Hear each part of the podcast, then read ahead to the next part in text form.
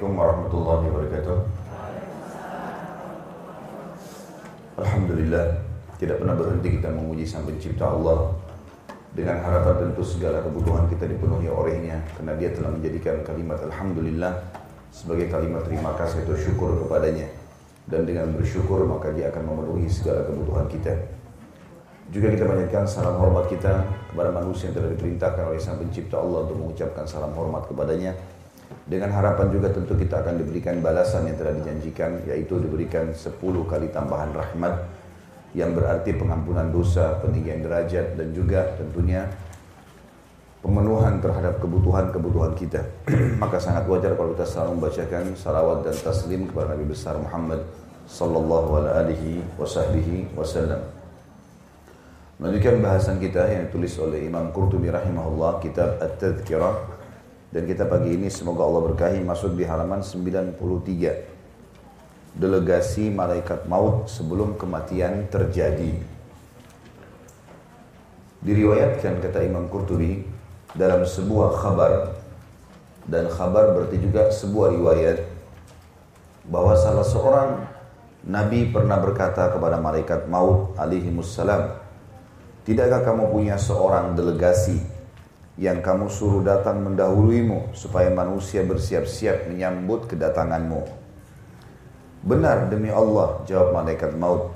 Aku bahkan punya banyak sekali delegasi berupa macam-macam gangguan dan penyakit, uban yang ada di kepala, berbagai hal yang menyedihkan dan berkurangnya pendengaran juga penglihatan jika orang yang ditimpa hal-hal tersebut tidak mau sadar juga dan tidak mau bertaubat, maka tak kala aku datang hendak mencabut nyawanya, aku menyeruhnya, bukankah aku telah mengirim terlebih dahulu kepadamu delegasi demi delegasi dan peringatan demi peringatan, aku adalah delegasi terakhirmu. Tidak ada lagi yang lain sesudahku dan aku adalah peringatan terakhir. Tidak ada lagi peringatan lain sesudahku. Tidak ada satu hari pun di mana matahari terbit dan terbenam, melainkan malaikat maut menyeru, Hai orang-orang yang telah berumur 40 tahun, inilah saatnya kalian mengambil bekal.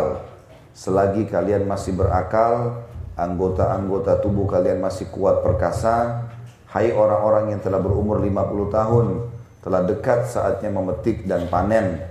Hai orang-orang yang telah berumur 60 tahun, kalian telah melupakan hukuman Allah dan melalaikan jawaban atas firman Allah Subhanahu wa taala yang telah disebutkan di dalam surah Fatir ayat 37 A'udzu billahi minasyaitonir rajim. Awalam nu'ammirkum ma yatadzakkaru fihi man tadzakkara wa ja'akumun nadhir?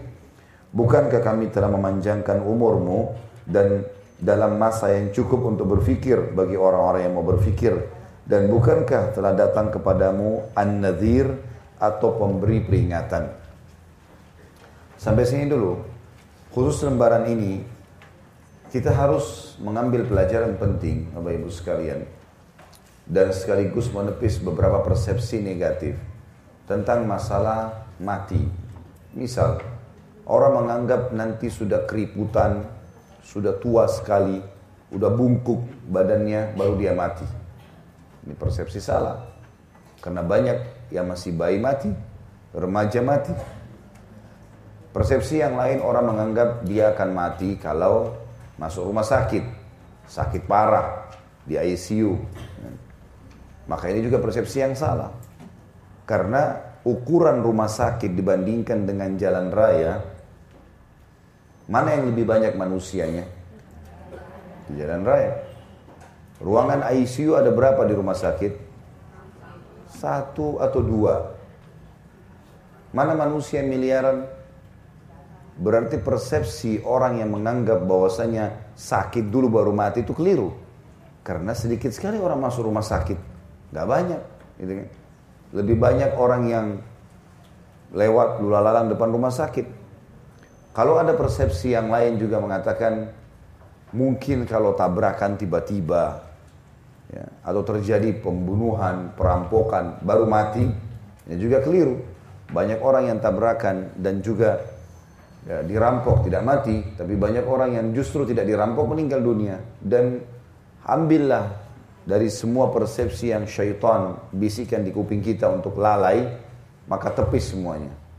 Dengan sangat yakin kalau mati bisa datang setiap saat.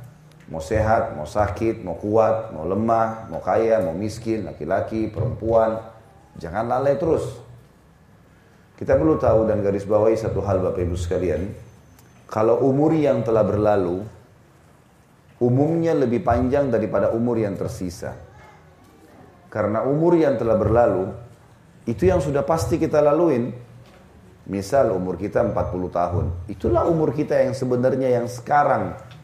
Yang sudah kita laluin, sudah kita nikmati, sudah kita lakukan berapa banyak aktivitas. Umur ke depan kita nggak tahu. Sehari kah, dua hari kah, seminggu kah, kita nggak tahu. Tapi umumnya kata ulama, umur yang berlalu pasti lebih panjang daripada umur yang akan datang. Karena umur akan datang masih tanda tanya nggak tahu berapa lama. Tanamkan baik-baik itu di benak kita Bapak Ibu sekalian supaya kita sadar. Banyak orang yang terus lalai, seakan-akan dia masih lebih panjang. Kalau sekarang 40 tahun berarti kalau saya hidup lagi 40 tahun ke depan, saya masih berumur 80 tahun. Kalau kalau enggak, ya, kalau meninggal tiba-tiba banyak orang loh, kulitnya mulus, badannya sehat, apalah dengan bahasa-bahasa manusia seksi lah, cantik lah, gagah lah, tampan lah, apalah segala macam, hilang cuma jadi kenangan. Begitu mati cuma dikenang, oh ibu itu dulu cantik. Dulu, selesai. Sekarang udah dimakan oleh tanah pipinya, gitu kan. Udah nggak ada lagi, gitu kan. Oh dulu ibu itu suka datang ke salon ini, dulu. Gitu. Orang cuma mengenang begitu. Oh ini sepatunya dia, oh ini tasnya, Oh ini tempat duduknya di majelis taklim. Orang cuma kenang. Orang cuma kenang begitu. Tetap kita secara pribadi yang akan menghadapinya. Maka jangan lalai terus ini. Seorang mukmin dan mukminah harus cerdas. Dari perbuatan bermanfaat apa ke perbuatan bermanfaat apa. Gak ada gunanya kita lalai. Karena tidak ada waktu ini. Kita sedang berpicu dengan waktu. Jangan terus menerus mengiakan syaitan sampai kapan. Gampang, nanti nggak usah amalan sunnah, kan cuma sunnah. Begitu terus, godanya sama. Berapa tahun Bapak Ibu digoda begitu sama syaitan? Dan berapa kali kita mengiyakan? Syaitan berharap buku amal kita kosong. Supaya nggak ada amalan. Dan dia jeli setiap hari itu. Usahakan hari ini mana yang bisa bolong nih. Harus dibolongin sama dia. Dan kita tidak bisa perbaiki. Sekali dia berhasil bolongkan, ini misalnya tadi malam gak tahajud, biar kita nangis darah, gak bisa lagi perbaikin. Sekali gak duha nih, pagi ini masih ada waktu, habis taklim sebentar sholat duha. Sekali gak duha, maka target syaitan supaya buku hari ini, di tanggal ini, di buku lembaran kesekian, dia kosong duhanya. Dan nyesel-nyesel nanti hari kiamat. Coba seandainya dulu. Dari ruangan taklim cuma nyebrang ke musola, masjid sebelah. Gak ada susahnya. Saya berapa kali masuk ke situ sholat duha, satu dua orang ibu ada yang masuk di musola. Yang lainnya mana? Husnudzon, mungkin sudah sholat duha di rumahnya. Alhamdulillah. Alhamdulillah. Baiklah. Masya Allah. Karena duha itu yang paling baik pada saat unta merasa panas. Kurang lebih jam 8. Kurang lebih. Kalau ta'lim kita jam 8 setengah 9 berarti sudah sholat duha semua. Masya Allah. Syukurlah. Ya urusan bapak ibu sama Allah. Saya cuma tugasnya mengingatkan. Artinya kalau ada orang yang sudah jalankan, Alhamdulillah. Bersyukurlah. Tapi kalau yang belum, sampai kapan mau belum nih? Sampai kapan nggak mau? Dan apa alasannya? Malas saja.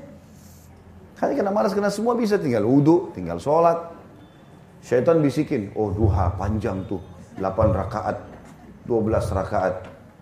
Coba dulu, lakukan dulu sholat. Lakukan dulu, gulirkan. Karena syaitan akan kesulitan menggoda kita, Bapak Ibu sekalian, kalau kita sudah memicu gas ibadah. Seperti orang kalau sudah mulai, enggak saya programin, mulai besok saya nggak boleh luputkan duha. Atau mulai hari ini, saya nggak boleh luputkan sholat malam. Saya nggak boleh luputkan selembar Al-Quran setiap hari. Misal, Zikir pagi sore. Komitmen kan, itu kita seperti sedang lari, sudah mulai dari garis start. Musuh kita untuk mengalahkan kita dia harus lebih cepat daripada kita. Syaitan paling gampang kalau orang belum start-start. Nggak mulai-mulai gitu. Al-Quran tahu keutamanya, tapi nggak pernah baca. Duha tahu, tapi nggak pernah sholat. Sodaka tahu, tapi nggak pernah diamalin. Maka orang seperti mau lomba lari, dia belum memulai. Maka oleh rivalnya diketawain aja dia. Gampang orang ini. Tapi kalau kita sudah mulai programkan, kita seperti lagi lari. Speed kita 30, musuh kita syaitan harus 40 untuk ngalahin kita. Kalau dia 30 juga bersaing, nggak bisa ngalahin kita dia. Karena kita sudah mulai. Maka memulai dulu. Mulai lakukan, programkan. Jangan lalai terus seperti itulah. Delegasi-delegasi yang dari malaikat maut sudah banyak. Dijelaskan dalam paragraf ini. Adanya uban, mulai melemah tidak seperti dulu lagi. Penglihatan, pendengaran. Enggak usah, saya masih kuat semuanya. Baiklah, kalau gitu tunggu panggilan yang terakhir nanti. Kalau tetap merasa begitu. Tiba-tiba nanti datang malaikat maut baru nyesel. Coba dulu ya. Nah, coba dulu nggak ada gunanya. Selanjutnya di lembar setelahnya 94 demikian juga disebut oleh Abul Faraj Ibnul Jauzi dalam kitabnya Raudatul Mushtaq wa At-Tariq ilal Malik Al-Khallaq. Maksudnya taman yang dirindukan terjemahannya ya dan jalan menuju raja sang pencipta. Itu nama bukunya. Sementara itu dalam Sahih Bukhari jadi ini buku Ibn Ibnu Jauzi ya. Sementara itu dalam Sahih Bukhari, Abu Hurairah radhiyallahu anhu meriwayatkan Nabi SAW bersabda, "A'dzarallahu ila mri'in akhara ajalahu hatta ballagahu sittina sana." Allah telah banyak memberi kesempatan meminta maaf, terutama bagi seseorang yang telah Allah tangguhkan ajalnya hingga mencapai 60 tahun. Tentu orang bisa meninggal setiap saat. Tapi kalau ada bapak ibu yang Allah kurniakan sudah tembus di angka 60 itu bonus. Kalau ada 60 masih lalai itu luar biasa. Mau apa lagi? Sudah nenek-nenek. Sudah kakek-kakek. Sadarlah. Kapan mau sadar? Kalau tidak dari waktu itu. Maka itu hadis Nabi SAW dan hadis Bukhari nomor 5419. Artinya berapa banyak hari demi hari Allah berikan kita kesempatan. Jangan lalai Bapak Ibu sekalian ya. Kita bisa menilai waktu. Misal kalau kita lagi tunggu lampu merah, rambu-rambu lalu lintas, satu menit saja. Kemudian apalagi kalau teman-teman yang pakai motor merasa panas teriknya matahari di siang hari seperti ini. Satu menit itu 60 detik lama rasanya. Ya. Kayak luar biasa gitu. Atau kita lagi antri maaf mau ke WC lagi kebelet. Orang ini sebenarnya mungkin kalau kita hitung pakai stop mungkin satu menit, dua menit. Tapi lama rasanya. Atau kita lagi lapar nunggu makanan dihidangkan. Lima menit saja, tapi lama rasanya. Sebenarnya kejadian-kejadian ini terjadi pada kita Bapak Ibu sekalian supaya kita belajar. Ternyata memang waktu itu mahal, nggak gampang. Kadang-kadang kita buang waktu 8 jam, 10 jam tidur. Itu pun masih ngantuk. Atau mungkin dia habisin waktu omong kosong gak ada gunanya. Gosipin orang, cerita hal yang tidak tidak ada gunanya. Ada orang berteman 20 tahun ceritanya itu itu aja. Gak ada sesuatu yang baru. Ingat gak dulu kita waktu SMA? Sudahlah itu. Udah selesai. Gak perlu dibahas lagi. Sampai itu diulang-ulang berapa kali. Saya pernah duduk sama istri saya. Dia ngomong, saya bilang ini mungkin yang ke-77 kali kamu cerita. Udah sering saya dengarin. Bahas sesuatu yang belum diketahui. Apa manfaatnya, motivasi keimanan. Cerita tentang itu terus. Tante saya, om saya, sepupu saya. Sudah saya dengar sekali, udah cukup. Ada orang gitu, habis waktu. Untuk hal-hal yang tidak perlu diulangi. Orang sudah tahu kan gitu. Jadi perlu kita Eh, regenerasi lagi perbuatan-perbuatan kita lah ya. Apa yang harus kita ucapkan, apa yang harus kita dengar, apa yang harus kita lakukan, yang kita pegang. Sesuatu yang baru, yang baik. Tingkatkan kepada kualitas yang lebih baik. Dikatakan kata a'zara fil amr Artinya sangat banyak memberi kesempatan meminta maaf. Karena kan dalam hadis tadi bahasa Arabnya bisa dilihat a'dzarallah. Allah telah memberikan kesempatan yang sangat banyak untuk meminta maaf. Yakni memberi kesempatan meminta maaf seluas-luasnya kepada hambanya. Pemberian kesempatan terbesar kepada Bani Adam adalah berupa diutusnya para rasul. Dengan begitu, sempurnalah alasan untuk menghukum atas kesalahan dan kelengahan mereka. Perhatikan firman Allah Subhanahu wa taala di dalam surah Isra dan surah Fatir. Isra ayat 15, Fatir ayat 37. Silakan dibuka Al-Qur'annya. Karena di sini tidak ditulis ayat Al-Qur'annya. Surah nomor 17 ya. Ya, ayat 15. أعوذ بالله من الشيطان الرجيم من اهتدى فإنما يهتدي لنفسه ومن ضل فإنما يضل عليها ولا تزر وازرة وزر أخرى وما كنا معذبين حتى hatta رسولا. Barang siapa yang berbuat sesuai dengan hidayah Allah, maka sungguhnya dia berbuat itu untuk keselamatan dirinya sendiri. Halal dia nikmati, haram dia tinggalkan, ya. Perintah dikerjakan, yang dilarang dijauhi. Itu buat dirinya sendiri. Dan barang siapa yang sesat, maka sungguhnya dia tersesat bagi kerugian dirinya sendiri. Gak mau dengar, gak mau diingatkan, terus mau lalai, dia rugi sendiri. Dan seseorang yang berdosa tidak dapat memikul dosa orang lain. Jadi kalau ada temannya bapak ibu yang bilang, gak apa-apa buat aja nanti saya yang tanggung dosanya. Ayo kita ke diskotik, ayo kita zina, ayo kita apalah. Sudah gampang, saya yang tanggung dosanya. Gak ada itu. Tetap aja kita dihukum, dia dihukum. Tapi dia dapat double dosa. Karena dia yang mengajak.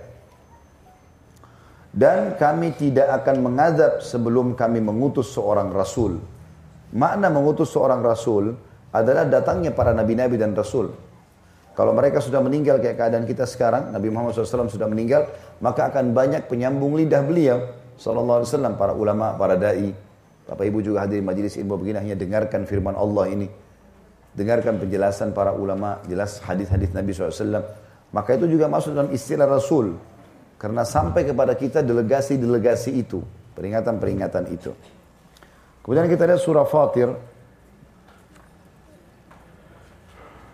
Surah nomor 35 ya. Ayat 37. A'udzu billahi rajim.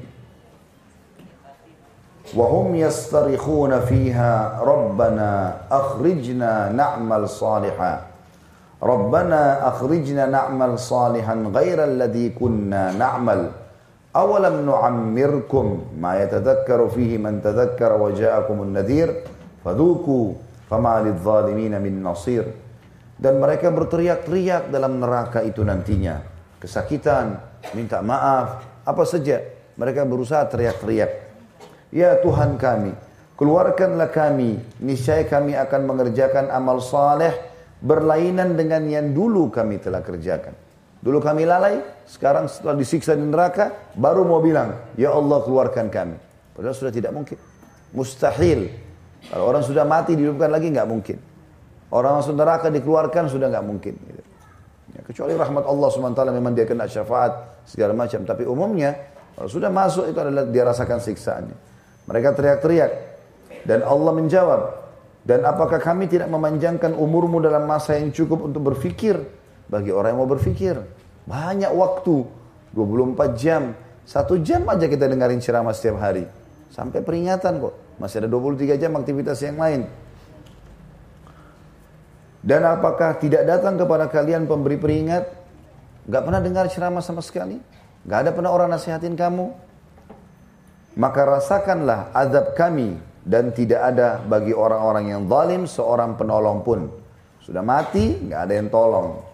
Biar nangis-nangis, biar darah yang keluar. Dalam riwayat tentang neraka, kata Nabi SAW, ahli neraka akan menangis saking habis air matanya keluar darah. Tapi nggak ada gunanya. Untuk apa? Sekarang Bapak Ibu masih sehat, kuat, di pagi ini di ruangan ber AC, Allah dengarkan nasihat-nasihatnya. Beruntunglah orang yang berakal. Tangkap, amalin.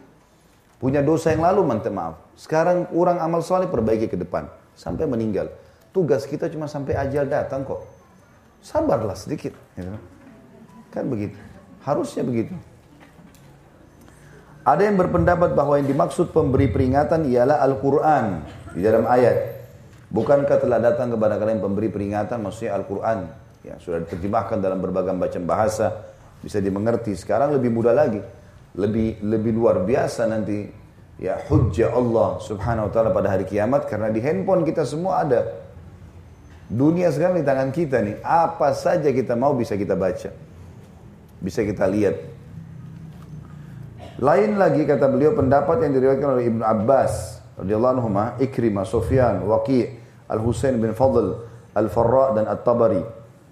Mereka berkata, pemberi peringatan ialah uban kepala. Ya. Ini biasa bahkan ada orang subhanallah masih 20 lebih, masih 30 lebih sudah ada ubannya. Sengaja dicet, ditutupi. Biarin dia tumbuh jadi lihat, oh saya sudah rambut putih. Gitu. Karena uban datang kepada seseorang pada usia tua sebagai tanda meninggalkan masa muda yang merupakan usia bercanda dan bermain sebagaimana kata penyair ya. di dalam syair nanti kita jelaskan sebentar syairnya maka Al-Qadhi Mundir bin Sa'id Al-Balluti rahimahullah memperingatkan kepada orang yang mengambil hikmah dari tanda-tanda tersebut dengan syairnya kenapakah kamu masih juga bercanda sementara peringatan telah datang telah datang ya, peringat sementara peringatan telah datangi anda dan jaring kematian begitu juga. Maksudnya peringatan dan jaring kematian telah datang. Begitu juga telah sangat dekat hampiri Anda sesungguhnya di saat kematian tiba ada sakarat yang kita rasa. Maka waspadalah jika ia tiba. Dokter pun tidak bisa berbuat apa-apa. Sebenarnya kamu tahu pasti urusan-urusan sebangsa ukhrawi maka beramallah. Artinya kamu tahu akhirat akan datang sebenarnya. Maka beramallah sesungguh hati, wahai orang bijak, bestari, orang yang berakal. Malam-malammu berlalu cepat, sementara kamu tak segera taubat, bahkan terus saja bak yang kulihat tidak henti dalam maksiat. Benarkah kamu suka mati tiba-tiba? Padahal kamu tahu dengan nyata, tidak ada tempat berlindung darinya. Tidak ada benteng yang bisa menolak kehadirannya. Lalu hanya ada dua pilihan. Mana di antara Tuhan tentukan ke surga yang didekatkan atau ke sakar atau neraka yang dinyalakan. Al-Faqih Abu Abdullah Muhammad bin Abi Zimmin rahimahullah juga pernah menyebutkan dalam syairnya. Maut setiap saat menggelar kafan. Sedang kita senantiasa melupakan terhadap apa yang menyembuhkan, terhadap apa yang menyelamatkan. Jadi kita sudah tahu mati akan datang. Sudah tahu sebenarnya penawarnya. Amal soleh dan iman. Tapi lalai terus. Kita selalu lalaikan yang bisa menyelamatkan kita dari kematian dan dari kafan itu. Ada sebuah riwayat ketika malaikat maut menemui Nabi Daud alaihissalam. Lalu beliau bertanya. Daud tanya, siapa kamu ini? Karena dalam sosok manusia. Lalu dia menjawab, aku adalah makhluk yang tak pernah takut kepada para raja tak bisa dihalangi oleh gedung-gedung dan tidak mau menerima suap. Kalau begitu, kamu adalah malaikat maut, kata Nabi Daud. Kata malaikat tersebut, benar, sahutnya. Kata Daud, kenapa kamu datang kepadaku sementara aku belum siap? Maka malaikat maut berkata, hai Daud, mana fulan kerabatmu? Mana fulan tetanggamu? Mereka semua telah meninggal dunia. Tidakkah kamu mengambil pelajaran dari mereka? Sehingga kamu bersiap-siap. Jadi ini kisah yang dinukil masyhur sekali tentang Nabi Daud alaihissalam ya. Jadi dalam riwayat yang lain, asal yang lain dikatakan Nabi Daud alaihissalam sering didatangi oleh malaikat maut berkunjung. Maka Nabi Daud pun berkata, kalau engkau ingin datang satu hari nanti mencabut ruhku, berikanlah aku pemberitahuan sebelumnya. Maka lama bertahun-tahun Nabi Daud tidak didatangi malaikat maut.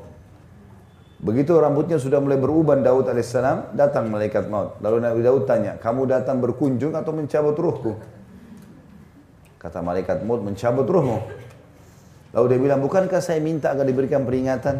Kata malaikat maut, bukankah rambutmu sudah putih semua? Sudah rambut ubannya kan?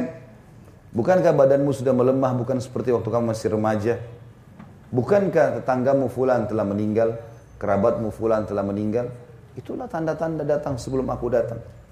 Kalau mati datang nggak bisa ditunda. Tentu para nabi-nabi punya sedikit ya penghususan ya. Dalam sebuah riwayat yang sahih kata Nabi SAW, semua nabi-nabi diberikan khiar. Pada saat mau meninggal, dikasih kesempatan. Mau dipanjangin umur nggak? Kalau mereka mau dipanjangin, tapi khusus nabi-nabi.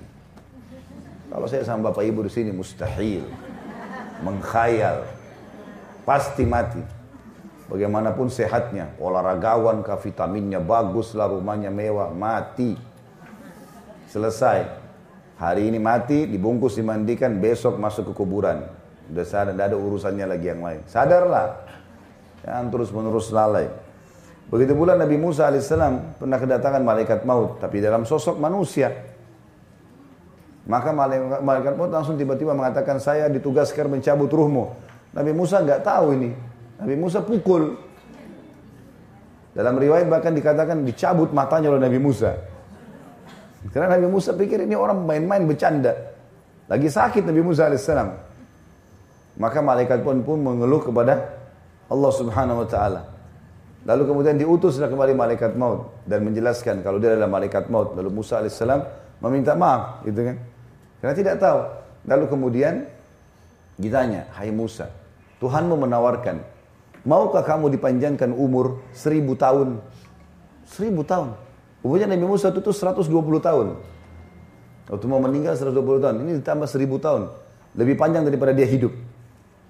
Kata Nabi Musa alaihissalam, seribu tahun banyak. Gitu. Tapi Allah ilhamkan dalam hatinya perkataan. Lalu dia mengatakan, sebentar, setelah seribu tahun, apa yang terjadi? Kata malaikat, maut semua pasti mati. Kata Musa AS, kalau begitu sekarang saja. Udah selesai, tugas dunia sudah diselesaikan sampai sini oleh Allah. Udah saya mau menuju ke akhirat. Mau hasil panennya mau diambil nih sekarang. Selama hidup sudah banyak melakukan perbuatan baik, sekarang saatnya panen. Nabi Muhammad SAW juga begitu. Beliau pada saat mau meninggal, beliau berkata kepada salah satu e, pembantunya, laki-laki. Waktu beliau pulang, e, setelah banyak masuk Islam, pulang dari perang tabuk, masuk Islamnya banyak suku-suku Arab, seluruh jazirah waktu itu masuk Islam, gitu kan. Sampai Madinah penuh dengan orang-orang. Maka Nabi SAW malam hari minta ke Baki. Berkata kepada pembantunya ini, temani saya ke Baki. Ke kuburan para sahabat. Lalu beliau pun melihat, mendoakan mereka sambil berkata, sungguh waktu sudah sangat dekat seorang hamba diberikan pilihan oleh Tuhannya, apakah dia hidup di dunia dengan umur yang panjang dan memimpin dunia, atau dia menuju ke akhirat, maka dia pun memilih akhirat. Itu riwayat. Riwayat yang lain kata Nabi SAW, sungguh aku telah disuruh diberikan pilihan oleh Tuhanku. Hidup panjang sampai menjelang hari kiamat. Bayangkan Nabi Muhammad SAW dikasih umur pilihan sampai hari kiamat. Bukan cuma seperti Nabi Musa seribu tahun. Sampai kiamat terjadi baru Nabi Muhammad SAW mati ditawarkan kepadaku untuk hidup sampai hari kiamat dengan menjadi raja dunia, jadi kan? Semua genggam digenggamku dan aku tetap masuk surga. Dengan aku mati sekarang dan bebas tugas, itu pun masuk surga. Maka aku pun memilih sekarang. Orang beriman subhanallah tidak akan mau lama-lama di dunia. Bagi dia dunia sebentar dilewati, selesai. Dan dunia memang begitu sifatnya ya. Kita lagi pengen datang ke satu mall, sudah datang, selesai. Habis itu apa? Kita mau makan satu kita habis makan, udah. Seperti cuma sesuatu yang terlintas sebentar saja. Berapa kali kita mau makanan favorit kita dan kita sudah berhasil makan? Habis itu apa? Selesai. Artinya kalau kita pun tidak dapat kita makan apa saja waktu itu selesai urusannya. Laparnya tetap hilang. Tapi begitulah dunia, beda dengan akhirat. Seorang mukmin sadar dia akan menuju ke akhiratnya. Sekarang kita masuk ke sub bahasan dari ayat tadi dikatakan ya, Bukankah telah datang kepada kalian An-Nadhir dan An-Nadhir artinya pemberi peringatan. Khusus kalimat An-Nadhir oleh Imam Qurtubi rahimahullah dirincikan lagi. Menurut salah satu pendapat, tafsir daripada kalimat dalam Al-Qur'an tadi ya, yang disebutkan dalam surah Fatir ya, ayat 37 tadi. Di penutupan ayat dikatakan, bukankah telah datang kepada kalian pemberi peringatan yang dalam ayatnya waja'akumun nadhir. Kata beliau, menurut salah satu pendapat An-Nadhir atau pemberi peringatan pada ayat tersebut di atas surah Fatir tadi ayat 37 maksudnya adalah demam. Sebagaimana dinyatakan dalam sabda Nabi SAW, demam adalah pemberi peringatan tentang mati, yakni perintis kematian. Siapa di antara kita yang belum pernah demam? Dan sudah berapa kali kita demam selama kita hidup? Itu sudah peringatan-peringatan. Ya. Sedang menurut Al-Azhari, maksud hadis ini ialah bahwa demam itu merupakan delegasi maut. Jadi seakan-akan demam itu memberitahu dan memberi peringatan akan datangnya mati. Ada pula yang berpendapat bahwa An-Nadhir yang dimaksud ialah matinya keluarga, kerabat, kekasih, ataupun saudara. Yakni hal itu merupakan peringatan bagi siapa pun yang menyaksikan bahwa dia pun akan mengalami peristiwa yang sama kapan saja, bahkan dalam hitungan hari, jam, atau detik. Sebuah syair menjelaskan masalah itu. Aku melihat kamu membawa mereka, maksudnya orang-orang yang sudah mati, dan tidak kau kembalikan lagi. Maka agaknya aku pun akan aku pun akan kamu bawa juga dan pasti tidak akan kembali lagi. Pendapat lain yang ketiga mengatakan bahwa An-Nadhir tafsir ayat surah Fatir 37 tadi yang dimaksud ialah kesempurnaan akal yang bisa mengetahui hakikat segala sesuatu dan membedakan mana yang baik dan mana yang buruk. Orang yang berakal seharusnya beramal untuk akhiratnya dan menyukai apa yang ada di sisi Tuhannya, surga. Jadi akal yang sempurna itulah yang dimaksud dengan an-nadhir atau pemberi peringatan. Kata an-nadhir bisa juga berarti al-inzar atau al-i'zar. Inzar artinya peringatan juga sama. Atau i'zar artinya mendapatkan uzur, ya, alasan. Karena ketiga kata itu satu dengan lainnya hampir bersamaan artinya, yakni pemberi peringatan atau peringatan atau pemberi alasan atau hujah. Adapun pemberi, pemberian hujah yang terbesar bagi hukuman Allah kelak ialah diutusnya para rasul kepada umat manusia. Dan selanjutnya uban dan lain-lain yang telah kami sebutkan sebelumnya atau di atas. Dalam hal ini umur 60 tahun adalah merupakan pemberian hujah paling puncak. Karena usia 60 tahun berarti telah dekat dengan medan kematian. Oleh sebab itu, sesungguhnya usia sekian adalah usia bertaubat, khusyuk dan berserah diri kepada Allah sambil menunggu datangnya ajal dan saat pertemuan dengan Allah yang maha suci dan maha tinggi. Dengan demikian, pada usia sekian, harusnya manusia menyadari bahwa Allah yang maha suci dan maha tinggi sedang memberinya hujah demi hujah, argumen demi argumen, penjelasan demi penjelasan, dan peringatan demi peringatan bagi hukumannya kelak. Pertama dengan diutusnya Nabi Muhammad SAW dan yang kedua dengan tumbuhnya uban. Kesadaran seperti itu sebenarnya sudah harus dimulai sejak umur 40 tahun. Camkan firman Allah Subhanahu wa taala dalam surah Al-Ahqaq ayat 15. A'udzu billahi minasyaitonir rajim. Hatta idza balaga ashuddahu wa balaga arba'ina sanatan qal قال ربي أوزعني أن أشكر نعمتك التي أنعمت علي وعلى والدي وأن أعمل صالحا ترضاه wa aslih li fi dzurriyyati inni tubtu ilaika wa innani minal muslimin. Tadi saya lengkapkan ayatnya ya. Ya artinya sehingga apabila dia telah dewasa dan umurnya mencapai 40 tahun, dia pun berdoa. Artinya orang yang berakal, kalau Allah sampaikan umur 40 tahun, doa ini nggak pernah luput dari lisannya. Ya Tuhanku, tunjukilah aku untuk selalu mensyukuri nikmatmu. Sampai sini ayatnya karena beliau mau datangkan kalimat arba'ina sana, 40 tahun. Tapi tadi saya lanjutkan ayat yang berbunyi setelah itu. Dan mudahkanlah aku untuk beramal soleh sesuai yang engkau ridhoi. Juga perbaikilah keturunan-keturunanku agar mereka soleh dan soleha. Aku bertobat dari segala dosa yang pernah aku lakukan dan aku termasuk orang yang menyerahkan diri. Ya.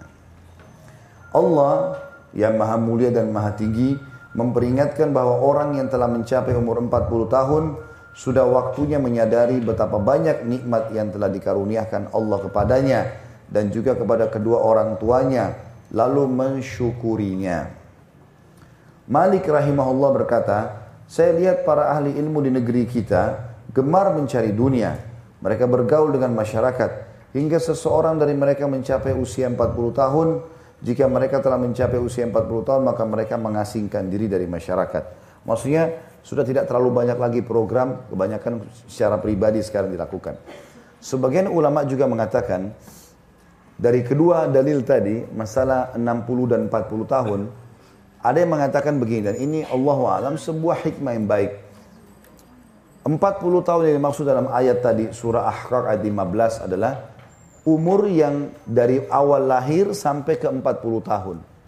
Itu berarti saatnya di mana dia selalu memohon kepada Allah agar diperbaiki amal solehnya, diterima tobatnya. Jadi bukan berarti pas angka 40-nya, sehingga kalau di ruangan ini ada yang hadir, oh saya masih 39 setengah. Ya, masih belum, enggak. Karena yang dimaksud di sini kalimat hikmah adalah kalau dia terus saja dari awal dia balik, ya, awal dia lahir, awal dia balik lah ya, sampai 40 ini saatnya dia terus memohon kepada Allah agar dimudahkan karena ahqaq ini artinya itu. Ya Allah, ya, mudahkanlah aku bersyukur atas nikmat-nikmat yang kau limpahkan kepadaku dan kedua orang tuaku dan juga mudahkan aku untuk beramal soleh yang kau ridhoi, perbaiki keturunanku, gitu kan. Dan aku bertobat dari segala kesalahan. Di atas 40 tahun itu sudah fase yang berbeda. Fase di mana segala kualitas yang dia lakukan dari sisi ibadah sebelum 40 tahun ditingkatkan. Udah lebih daripada itu. Dan seluruh yang berhubungan dengan urusan dunia dikurangin jadi ini hikmah dalam menggabungkan dalil-dalil tadi. Karena banyak mungkin orang salah faham. Orang pikir, oh ini kan ayat menyebutkan 40 tahun. Jadi kalau belum 40 maka nggak ada masalah. Enggak, keliru. Ya, Harusnya difahami seperti itu. Kata beliau catatan, inilah alasan prinsip dari diberikannya hujah atau argumentasi berkali-kali oleh hakim atau Allah kepada mahkum alaih atau manusia. Dan ini sebenarnya merupakan ujub ya atau wujud mungkin ya.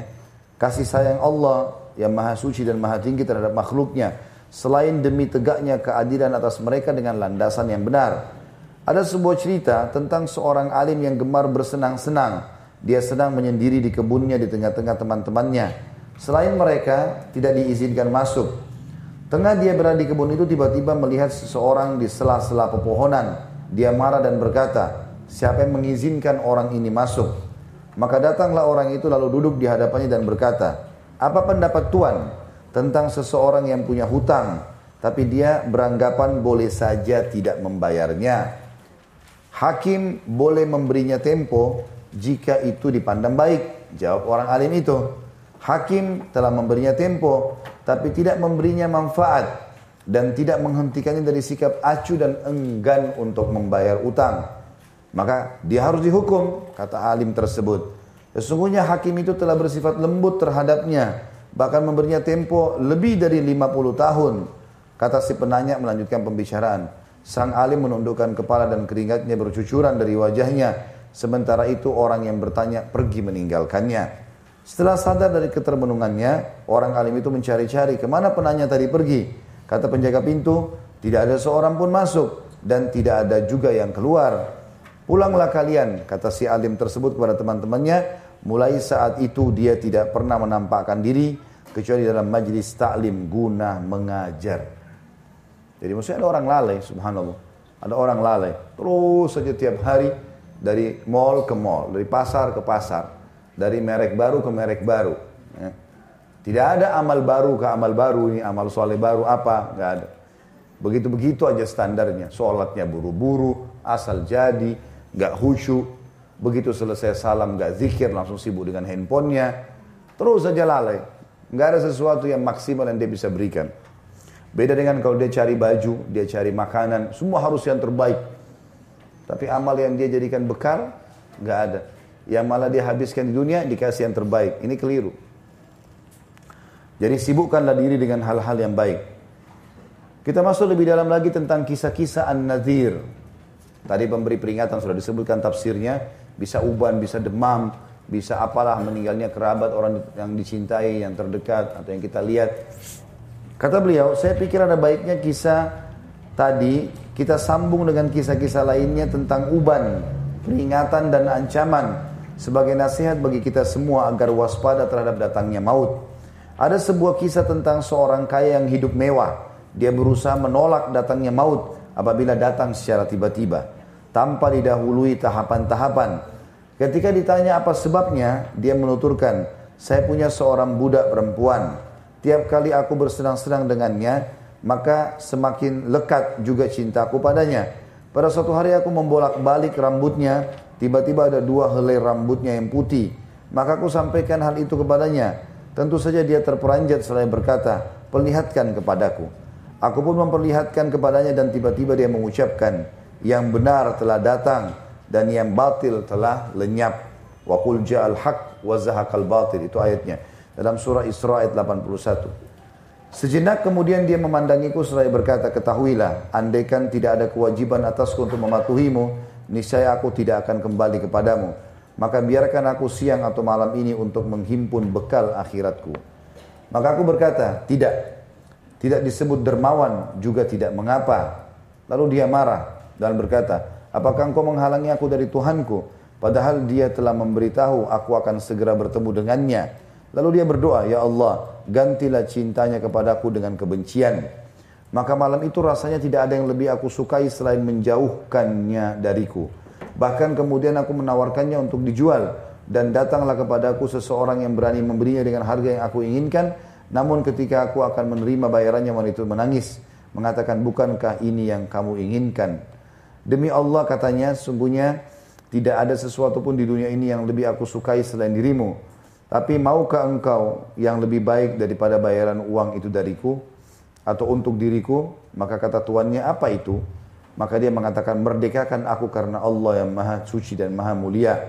Jawabnya, hal itu akan membuatmu memiliki sesuatu yang lebih besar daripada memiliki diriku dan memberimu pahala lebih besar daripada harga diriku. Ya, kata tuannya, aku memerdekakan kamu. Wanita itu berdoa, semoga Allah meluluskan akadmu dan memberimu berlipat ganda dari yang engkau inginkan. Dan sejak itu saya pun berzuhud. Agaknya wanita itu telah berhasil membuatku tidak menyukai dunia dengan segala kenikmatannya. Artinya eh, ini kisah kalau kita simpulkan adalah bagaimana seseorang wanita yang cerdas dia sadar walaupun dia masih belia tapi dengan adanya rambut putihnya dia tahu kalau itu adalah peringatan dari Allah sudah sudah dekat dengan mati bukan saatnya lagi berlalai-lalai gitu. Dan kemudian dia mengingatkan tuannya atau majikannya untuk justru bukan menjual, tetapi bagaimana dia mendapatkan pahala dengan membebaskan beramal soleh. Ya. Kalau kita sempat beramal soleh Bapak Ibu sekalian dan kita meninggal setelahnya, demi Allah tidak ada yang lebih membahagiakan kecuali amal soleh yang sempat kita kerjakan itu. Maka jangan tunda-tunda. Berapa kali orang minta kita tolak. Ya. Berapa kali kita tunda-tunda amal soleh memberikan baju kah, memberikan makanan kah, selalu kita lalai. Nabi Muhammad SAW dalam hadis Bukhari Muslim pernah selesai sholat asar belum zikir, baru salam, duduk menghadap para sahabat langsung tiba-tiba berdiri. Dan saking cepatnya Nabi SAW berdiri, beliau sempat melewati pundak-pundak para sahabat. Mereka tunggu sambil mereka berzikir. Gak lama kemudian Nabi SAW kembali ke posisinya lalu berzikir. Setelah selesai zikir kata para sahabatnya Rasulullah, apa yang kami saksikan? Belum pernah kami lihat anda seperti tadi, begitu tergesa-gesanya. Ada sesuatu yang perlu kami bantu. Maka kata Nabi SAW, tadi selesai zikir aku teringat. Ada ada satu keranjang kurma yang aku niat sudah mau bagiin ke orang-orang. Tapi lupa. Maka aku segera menjalankannya kemudian aku kembali lagi berzikir. Berapa banyak baju yang ibu dan bapak punya di, di lemari. Kayaknya ini saya mau kasih orang deh. Tapi terus saja di situ tergantung. Sudah berapa lama nggak dikeluarin? Berapa banyak program sosial di otak kita. Oh iya, Ustadz tadi bilang masalah rumah anak yatim. Kayaknya saya mau kasih. Udah kasih belum? Masalahnya cuma dengar. Ya. Masjid dibangun, berulang-ulang Allah sampaikan di kuping kita. Ada masjid di sini, ada masjid di sini. Kita dengar. Oh iya, masjid bagus. Ah, tapi nggak usah deh. Nanti masjid lain saja. Belum tentu loh di sana bisa kita kasih. Allah sampaikan di telinga kita. Berapa kali kita dengarkan azan, Berapa kali kita dengarkan ayat-ayat, hadis-hadis, kisah-kisah orang soleh. Tapi kita engahkan saja. Ingat Bapak Ibu sekalian, orang yang cerdas, orang yang sampai di kupingnya peringatan, dia langsung terima. Karena kalau telinga kita nggak terima, Allah datangkan nanti ke anggota tubuh yang lain dan berat. Allah kan penyakit-penyakit, masalah-masalah. Kita nggak mau keluarin dengan sukarela uang kita, Allah buat nanti orang curi uang kita. Allah orang utang kita tidak dibayar. Eh, jadi lebih parah. Kenapa nggak dari awal sukarela kita kasih? Jadi jangan tunggu sesuatu yang lebih berat baru kita mau beramal. Itu makna tadi yang bisa kita ambil dari apa yang disampaikan itu. Kemudian Abdullah bin Abi Nuh berkata, saya pernah melihat seorang tua di masjid Rasulullah Sallallahu Alaihi Wasallam. Saya sering melihatnya membersihkan debu dari dinding-dinding masjid dengan pelapa kurma. Saya tanyakan siapa dia dan seseorang menjawab, dia adalah seorang keturunan Uthman bin Affan radhiyallahu anhu. Dia sebenarnya punya anak-anak, budak-budak dan kekayaan yang banyak. Pada suatu ketika dia melihat wajahnya dalam cermin, maka dia berteriak lalu gila dan tinggal di masjid. Seperti yang kamu lihat sekarang. Apabila keluarganya hendak mengambilnya untuk diobati atau dirawat, dia kabur dan berlindung ke kubur Rasulullah yang mulia sallallahu alaihi wasallam. Lalu mereka membiarkannya. Mendengar cerita itu, kata Abdullah bin Nuh, saya mengamat-ngamati orang tua itu di siang hari. Ternyata dia baik-baik saja, tidak kurang sesuatu apa pun. Padahal kerabatnya kira dia sudah gila. Kemudian saya mengamat-amatinya di malam hari. Selepas tengah malam, dia tampak keluar dari masjid. Maka aku pun mengikutinya dan ternyata dia pergi ke kuburan Baki, ke pekuburan Baki, kuburan para sahabat. Dan aku pun mengikutinya sampai di sana. Di tempat itu dia tampak berdiri, sholat dan menangis sampai menjelang terbit fajar. Lalu dia pun duduk berdoa. Maka datanglah kepadanya seekor binatang. Aku tidak tahu entah binatang apa itu. Domba kah, rusa kah, atau lainnya. Binatang itu berdiri di hadapannya membuka kakinya. Ya. Maka orang itu pun memegang puting susunya lalu meminum dari situ. Selanjutnya dia mengelus-elus punggung binatang itu seraya berkata, pergilah, semoga Allah memberkahimu. Binatang itu pun pergi cepat lalu pergi. Binatang itu pun berpaling lalu kemudian pergi dengan cepat. Aku segera mendahulunya ke masjid dan untuk beberapa malam e, hal itu aku lakukan terus menerus, maksudnya memantau dia di siang hari dan malam hari. Aku ikut keluar saat dia keluar ke baki tanpa dia rasakan kehadiranku. Sementara aku dengar dia bermunajat, Ya Allah, sesungguhnya engkau telah mengirim dia kepadaku, tapi belum mengizinkan aku. Jika engkau telah meridhoiku, maka izinkanlah aku. Tapi jika engkau tidak meridhoi, maka berilah aku taufik kepada apa yang engkau ridhoi. Ketika sudah dekat keberangkatanku untuk meninggalkan kota Madinah, aku datangi orang tua itu untuk berpamitan. Dia menubrukku Aku berkatakan, eh, aku katakan terang-terang atau terus terang kepadanya, saya telah menemani anda di baki sejak beberapa malam ini. Saya telah sholat mengikuti sholatmu dan mengamini doamu. Maka dia bertanya, apakah kamu beritahukan hal itu kepada seseorang lain? Aku menjawab, tidak. Maka dia mengatakan, pergilah baik-baik. Katanya, tapi aku bertanya kepadanya, delegasi apa itu yang telah dikirim kepadamu? Aku melihat diriku dalam cermin, Tiba-tiba aku lihat uban di wajahku. Maka aku pun tahu bahwa ia adalah delegasi Allah kepadaku. Maka aku pun meminta kepadanya, doakanlah aku. Kata si Abdullah bin Nuh. Lalu orang tua itu berkata, aku tidak pantas katanya. Tapi marilah kita memohon kepada Allah dengan wasilah Rasulnya. Maksudnya dengan mengamalkan apa yang diajarkan oleh Nabi SAW. Maka aku bangkit bersamanya menuju kubur Rasulullah SAW yang mulia. Di sana dia bertanya kepadaku, apa hajatmu? Meminta maaf kataku. Maka orang tua itu berdoa dengan suara liri dan aku mengamininya. Tiba-tiba dia condong ke dinding kuburan dan ternyata dia meninggal dunia. Maka aku pun menghindar sedikit darinya sehingga orang-orang pun mengerti apa yang terjadi padanya. Maka berdatanganlah anak-anaknya dan budak-budaknya untuk membawanya dan mengurusnya. Dan aku sempat mensolatinya bersama yang lain. Dan ini sampai sini tentu teman-teman sekalian. Ada kesimpulan dari kisah ini adalah orang ini sebenarnya tidak gila, cuman dia ingin uh, tidak mau amalnya di akhir hidup diketahui oleh orang-orang, termasuk anak-anaknya, maka dia sengaja membuat dirinya seakan-akan dia gila.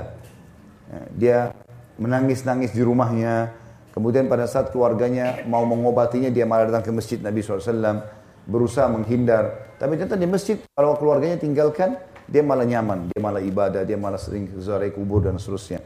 Maka Abdullah bin Nuh mengambil pelajaran dari orang ini. Ya. Kemudian disebutkan juga konon seorang raja Yunani punya pelayan seorang budak perempuan yang mengurus pakaiannya. Budak itu pernah mendapat pendidikan dari seorang dari orang-orang yang bijak. Pada suatu hari dia memakai pakaian raja dan memasang cermin di hadapannya. Tampaklah oleh raja seutas rambut putih.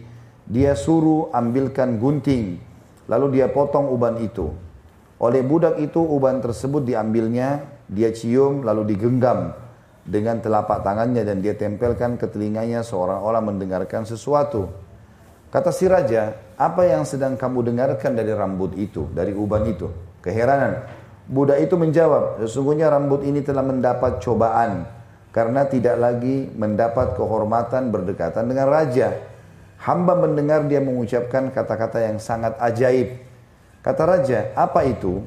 Maka Buddha itu berkata, lidah hamba tidak berani mengatakannya. Kata si raja, katakanlah, kamu aman selagi mengatakan kata-kata yang bijak. Maka budak wanita itu berkata yang dimaksudkan bahwa uban itu mengatakan, hai raja, yang diberi kekuasaan untuk sementara. Sesungguhnya dari semula aku sudah khawatir kamu akan menghukum aku dengan semena-mena. Maksudnya dengan memotongku dan mencabutku, uban itu. Oleh karena itu, selama ini aku tidak muncul. Namun akhirnya aku mengambil janji anak-anakku supaya mereka membalaskan dendamku. Sekarang agaknya mereka tidak sabar lagi. Mereka keluar memberontak kepadamu. Boleh jadi mereka akan segera membinasakan dirimu atau mengurangi syahwatmu, kekuatanmu dan kesehatanmu sehingga kamu menganggap kematian adalah seekor kambing. Raja pun menitahkan, tulislah perkataan itu. Budak wanita itu menulis apa yang telah dia katakan tadi yang kemudian direnungkan oleh sang raja. Akhirnya ia melepaskan kerajaannya seraya berkata, oh agaknya inilah maksudnya. Maksudnya ini kematian. Sudah pasti saya akan mati. Untuk apa saya mencabut rambut itu? Toh juga dia adalah sebuah bukti. Ya. Di sini tentu teman-teman sekalian bukan berarti orang kalau uban tidak bisa mewarnai rambutnya. Artinya itu boleh saja karena termasuk ada anjuran Nabi SAW mewarnai dengan warna merah atau coklat. Pernah Abdullah bin Umar masih muda, jenggotnya ada warna putih lalu Nabi SAW suruh mensabaknya atau meletakkan warna di situ. Tetapi kita mestinya mengambil pelajaran dari rambut-rambut putih. Ya, kita harus ambil pelajaran, tidak selamanya semuanya harus diwarnain. Sampai dalam sebuah hadis dikatakan cahaya seorang mukmin ya akan sangat terang sesuai dengan kadar uban yang ada di kepalanya. Ya, dan kalau tidak salah juga akan dicatatkan pahala di setiap oleh ubannya selama dia dalam keadaan Islam, selama dalam keadaan Islam. Kemudian selanjutnya dalam kisah Israiliyat diceritakan, Israel maksudnya cerita dari Bani Israel. Ini kata Nabi SAW, kalau Bani Israel sedang menceritakan, jangan kalian benarkan, jangan juga kalian tolak. Artinya, kalau sesuai dengan Al-Quran dan Sunnah kita iakan. Kalau tidak sesuai kita tinggalkan. Bahwa Nabi Ibrahim Al-Khalil alaihissalam. Al-Khalil artinya kekasih. Ini julukan Nabi Ibrahim alaihissalam dia dikenal dengan Khalilur Rahman. Kekasihnya sang pencipta Allah yang maha penyayang.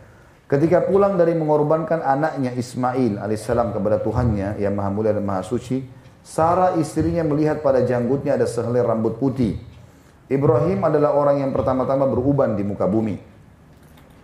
Maka Sarah seorang-orang tidak mempercayai kejadian tersebut. Lalu dia perlihatkan rambut itu kepada suaminya. Ibrahim memperlihatkan, memperhatikan rambut itu dan dan merasa tertarik kepadanya. Sebaliknya, Sarah tidak menyukainya. Dia meminta Ibrahim menghilangkannya, tapi dia tidak mau. Maka datanglah malaikat maut seraya berkata, Assalamu alayka ya Ibrahim.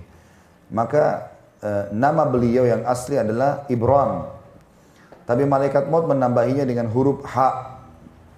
Sehingga dan huruf H dalam bahasa Suryani berarti ungkapan penghormatan dan pemuliaan. Oleh karena itu Ibrahim senang dipanggil dengan nama itu. Dia berkata, aku bersyukur kepada Tuhanku dan Tuhan segala sesuatu. Malaikat itu menjelaskan sungguhnya Allah benar-benar telah menjadikan kamu orang yang terhormat di kalangan penghuni langit dan penduduk bumi. Dia memberimu tanda kehormatan dan keagungan pada namamu dan fisikmu. Adapun namamu kamu dipanggil Ibrahim, baik di langit maupun di bumi.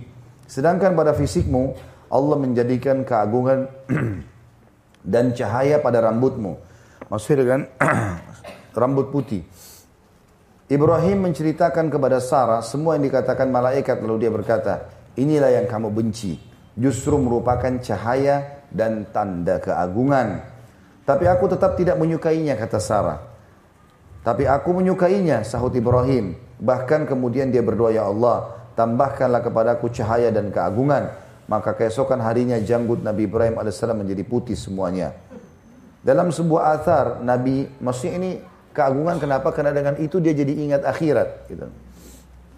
Dalam sebuah riwayat pula bahwasanya Rasulullah SAW bersabda, sesungguhnya Allah malu untuk mengadab orang yang beruban. Ya. Tentu hadis ini di, tidak ditemukan riwayatnya ya.